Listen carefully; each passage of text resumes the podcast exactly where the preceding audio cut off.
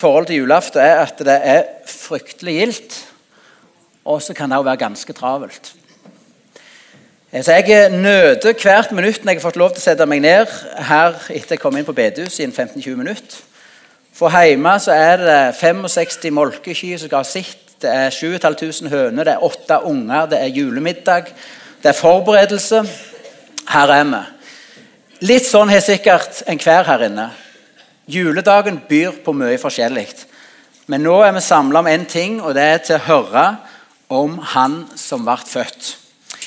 Eh, vi gjør en liten ny vri i år. Eh, jeg skal tale over ikke Lukas 2, som er i keiser Augustus' dager, men jeg skal tale over Matteus 2, som vi hørte opplest her, i Herodes' dager. Kong Herodes Første setning i den teksten som vi skal tale over, der blir vi presentert for to konger og noen vismenn. Og Det kunne knapt nok vært større forskjell på de to kongene. En er store, en er liten. En virker til å være mektig og bor i slott. En ser ut til å mangle alt og har kanskje bare ei krybbe som seng. Og Kong Herodes, også kalt kong Herodes den store, han var innsett som konge over jødene av romerne. Han blir rysta og urolig når han får besøk fra vismenn fra Austen. Og Det synes jeg var ganske fascinerende å lese gå inn i teksten. For han må ha tatt på alvor når det kommer noen vismenn fra et land langt vekke og sier vi har sett ei stjerne gå opp. Vi er kommet her for å hylle og tilbe den nye kongen over jødene. Og når vismennene kom, så var det ikke sånn de spurte har det blitt født en konge. Nei, de sa hvor er kongen som er født? De var overbevist om at nå hadde det skjedd. En ny konge var født. Herodes var slettest ikke interessert i å dele sin makt med noen. Han ville være den eneste kongen over jødene. Og Når kongen blir urolig, så blir hele Jerusalem urolig. For kongen går på tuppa. Hvor er denne nye trusselen mot hans makt som den eneste kongen over jødene? Så han kaller sammen en stor forsamling av bibeleksperter i teksten står det 'skriftlærde og øversteprester'. Og Han har ett spørsmål han vil ha svar på. Hvor skal kongen som profetene har lovt, bli født? Og Når kongen er nervøs, så kommer svaret fort. I Betlehem i Judea er svaret han får. Det tror jeg i første omgang var gode nyheter for kong Herodes. For Betlehem var ikke langt vekke. Det var bare 11 km. Det er nesten som herifra til Austrott eller noe, eller litt lenger. Og Betlehem var ikke en stor by. Det var omkring 1000 innbyggere i Betlehem på den tid. Med andre ord, til å få sett en stopper for denne nye kongen burde være en forbi rekkevidde. Var det en konge blant de tusen i Betlehem, så skulle det nok være mulig for han å finne han, og ikke hylle han, men henrette han. Herodes kaller til seg vismennene i løgn, står det. Litt i det skjulte. Og Så spør han de nøye ut om stjerner som hadde gått opp, om tidspunktet. Og Så sender han de videre til Betlehem. Og så sier han når dere har funnet kongen, så kom tilbake, så jeg òg kan hylle han. Bare en liten ting vi skal lære av, av dette til nå. Hvis noen vil søke Jesus Hvis noen vil søke sannheten med store S, så vil det alltid være en Herodes i veien. Det vil alltid være noe i denne verden. Det kan være i din familie, i ditt nabolag, på jobb. Det kan også være noe i oss sjøl som vil stå i veien for at du og meg skal finne sannheten med store S Jesus. For det kunne ha vært fristende for vismennene å snudd kappene og reist tilbake igjen når de kom til Jerusalem. For de merka jo at stemninga ble elektriske. Kongen var på tuppene. De forsto at dette var en trussel mot hans makt. Men de valgte å fortsette. Litt om vismennene. Tradisjonen vår vil ha til at det var tre vismenn, men det står ingen plass i Bibelen. Det kan godt være det var tre, for det var jo tre gaver gull, røkelse og murra. Men det vet vi ikke sikkert. Jeg syns det er ufattelig fascinerende med disse tre lærde mennene. Som De må ha vært fascinert av skaperverket, av universet, av stjernehimmelen. De må ha vært sannhetssøkende, de må ha vært begjærlige etter vitenskap og kunnskap. Og de ser en ny stjerne som blir plassert på himmelen. Og hva andre ting Gud åpenbarer og legger på deres hjerte, sin, det vet vi ikke. Men de får en overbevisning i det de ser stjerna, at en ny konge er født. Og den kongen som blir, har en sånn verdighet at han får ei egen stjerne på himmelen, den kongen vil de finne. Og Så skal vi lære en liten ting til av vismennene. Gud kalte på dem. Stjerna var middelet for å fange deres oppmerksomhet. Gud åpenbarte, fortalte de, viste de noe de ikke hadde kjangs til å vite hvis ikke Gud hadde vist det, nemlig at en ny konge var født. Og Så gjorde vismenn noe som var veldig lurt. De brukte det lys de hadde fått. For den lange reisen fra landet i Østen det var nok ikke sånn som vi tenker at det var ei veldige stjerne som hele veien gikk føre dem. Men de hadde sett ei stjerne som gikk opp. Og Så hadde noe blitt åpenbart for dem, og så gikk de på det de hadde fått, for de ville finne kongen, og han var i Jødeland.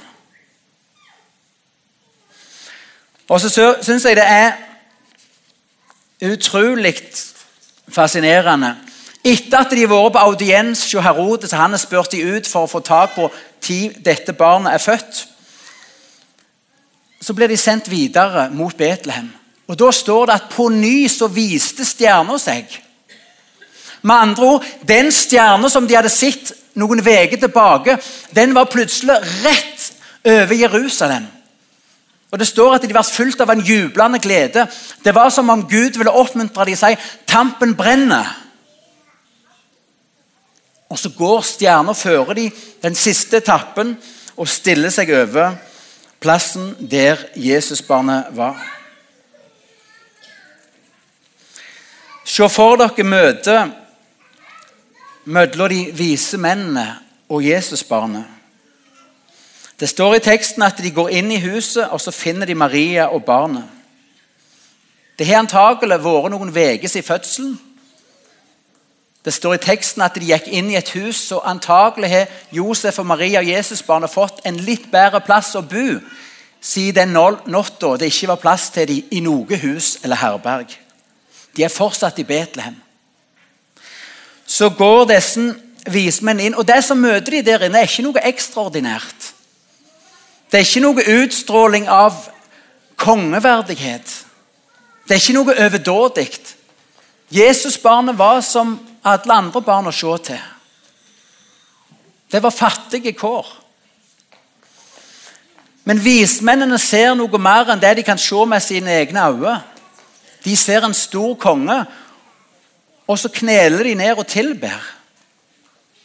Og så bærer de fram gaver som er en konge verdig.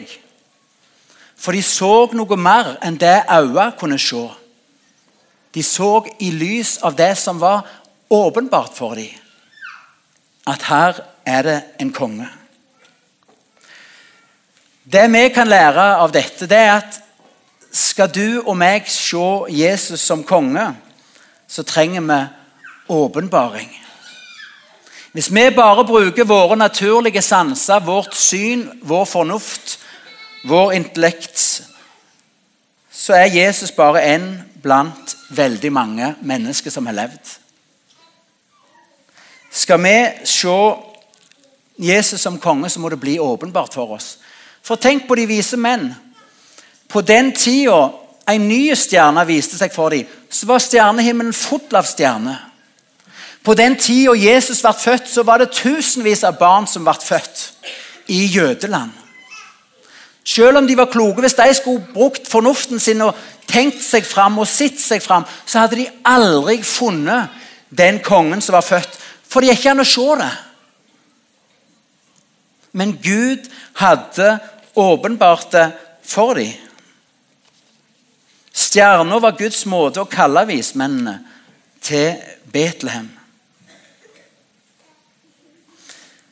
Vismennene måtte til Betlehem for å finne Jesus, for det var der han var. Også i dag så kaller Gud på forskjellige måter på mennesket for at vi som vismenn skal ta føttene fatt og begynne å lete etter Jesus. Og I dag så leder ikke Gud oss til Betlehem, men han leder oss inn i Bibelen. For når Bibelen blir åpna, når evangeliet blir lest, så blir det sett ei stjerne som lyser opp i ditt og mitt mørke.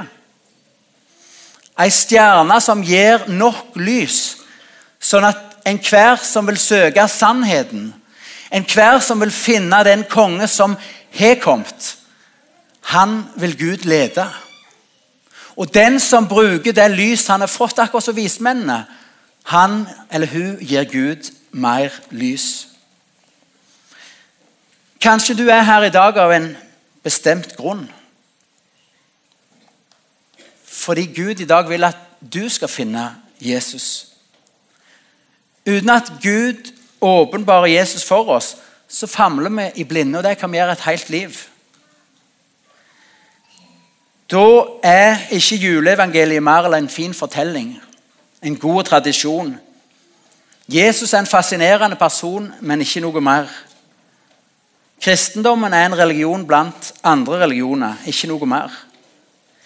Vil du lære Gud å kjenne, så trenger du at Gud åpenbarer sannheten om Jesus for deg, hvem han er.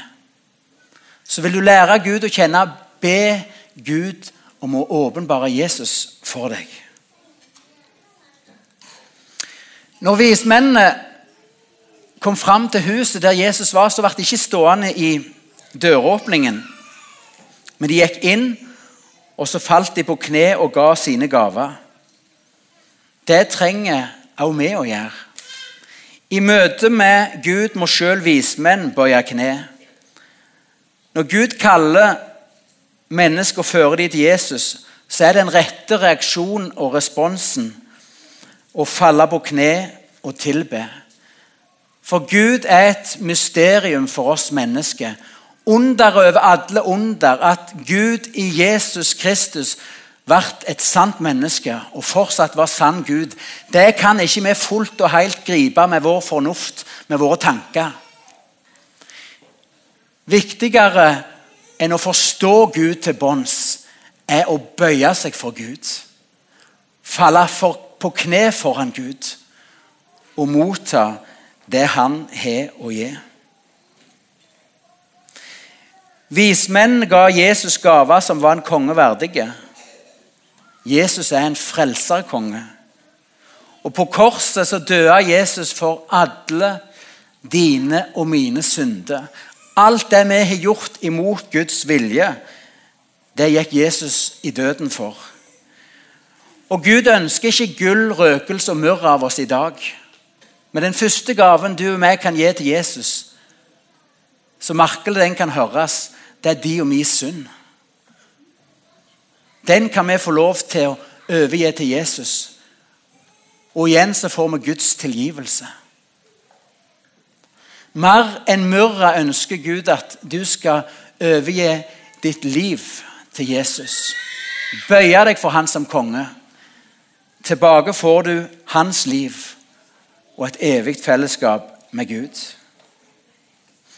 Vivian Zahl Olsen har skrevet boka 'Gud gjør ingen religiøs'. Hun var i flere år på jakt etter en dypere mening med livet. Hun hadde mye, men hun savna det viktigste. Hvorfor lever jeg? Hva er meningen med dette livet? Hva skjer når jeg dør? Og Hun fant ikke svar i New Age-bevegelsen eller i deg, 'elsk deg sjøl'-bølge. Hun prøvde sikkert mye forskjellig. Men hun skriver i denne boka at mandag 10. juli 1989 klokka 14.00 så falt Vivian på kne for første gang i sitt liv og ba til Gud. Og Hun skriver at der og da så ble jeg frelst. Jeg ble født på ny gjennom et møte med Jesus.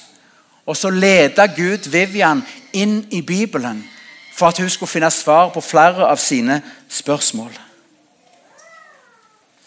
Jeg har en fornemmelse av at det er flere av oss her i dag som har vært underveis lenge.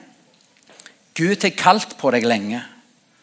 Flere ganger har du stått foran denne åpne døra inn til Jesus uten å gå inn og bøye kne for Jesus. Du vet at Jesus er verdens frelser. Hvorfor vil ikke du gi han dine synder? Du vet at Jesus er kongenes konge. Hvorfor vil ikke du legge ditt liv i hans hånd? 24. desember 2019 kan bli et vendepunkt i ditt liv. Det kan bli ditt Betlehem. Det kan bli den dagen du fikk et livsforvandlende møte med Gud. Ære være Faderen og Sønnen og Den hellige ande, som var, er og være skal, en sann Gud, fra eve og til eve. Nå skal vi sammen be Fader vår. Og Det er et av privilegiene Jesus har gitt oss. Gjennom å ta imot Han som vår frelser og Herre, så får vi kalle Gud vår far. Fader vår, du som er i himmelen. Lat navnet ditt helgast. Lat riket ditt komme. Lat viljen din råde på jorda, så som i himmelen. Gjev oss i dag vårt daglige brød. Forlat oss vår skyld, som vi òg forlet våre skyldmenn. Før oss ikke ut i freisting, men frels oss fra det vonde. For riket er ditt, og makta og ære i all eve. Amen. Da skal vi få se en dans. Det er en tegnspråkdans. Og mens vi får se og høre det, så blir det tatt opp et offer. Og dagens offer går til Åpne dører. En organisasjon som jobber for å formidle Bibel, hjelp og håp til kristne rundt om i verden som blir forfulgt.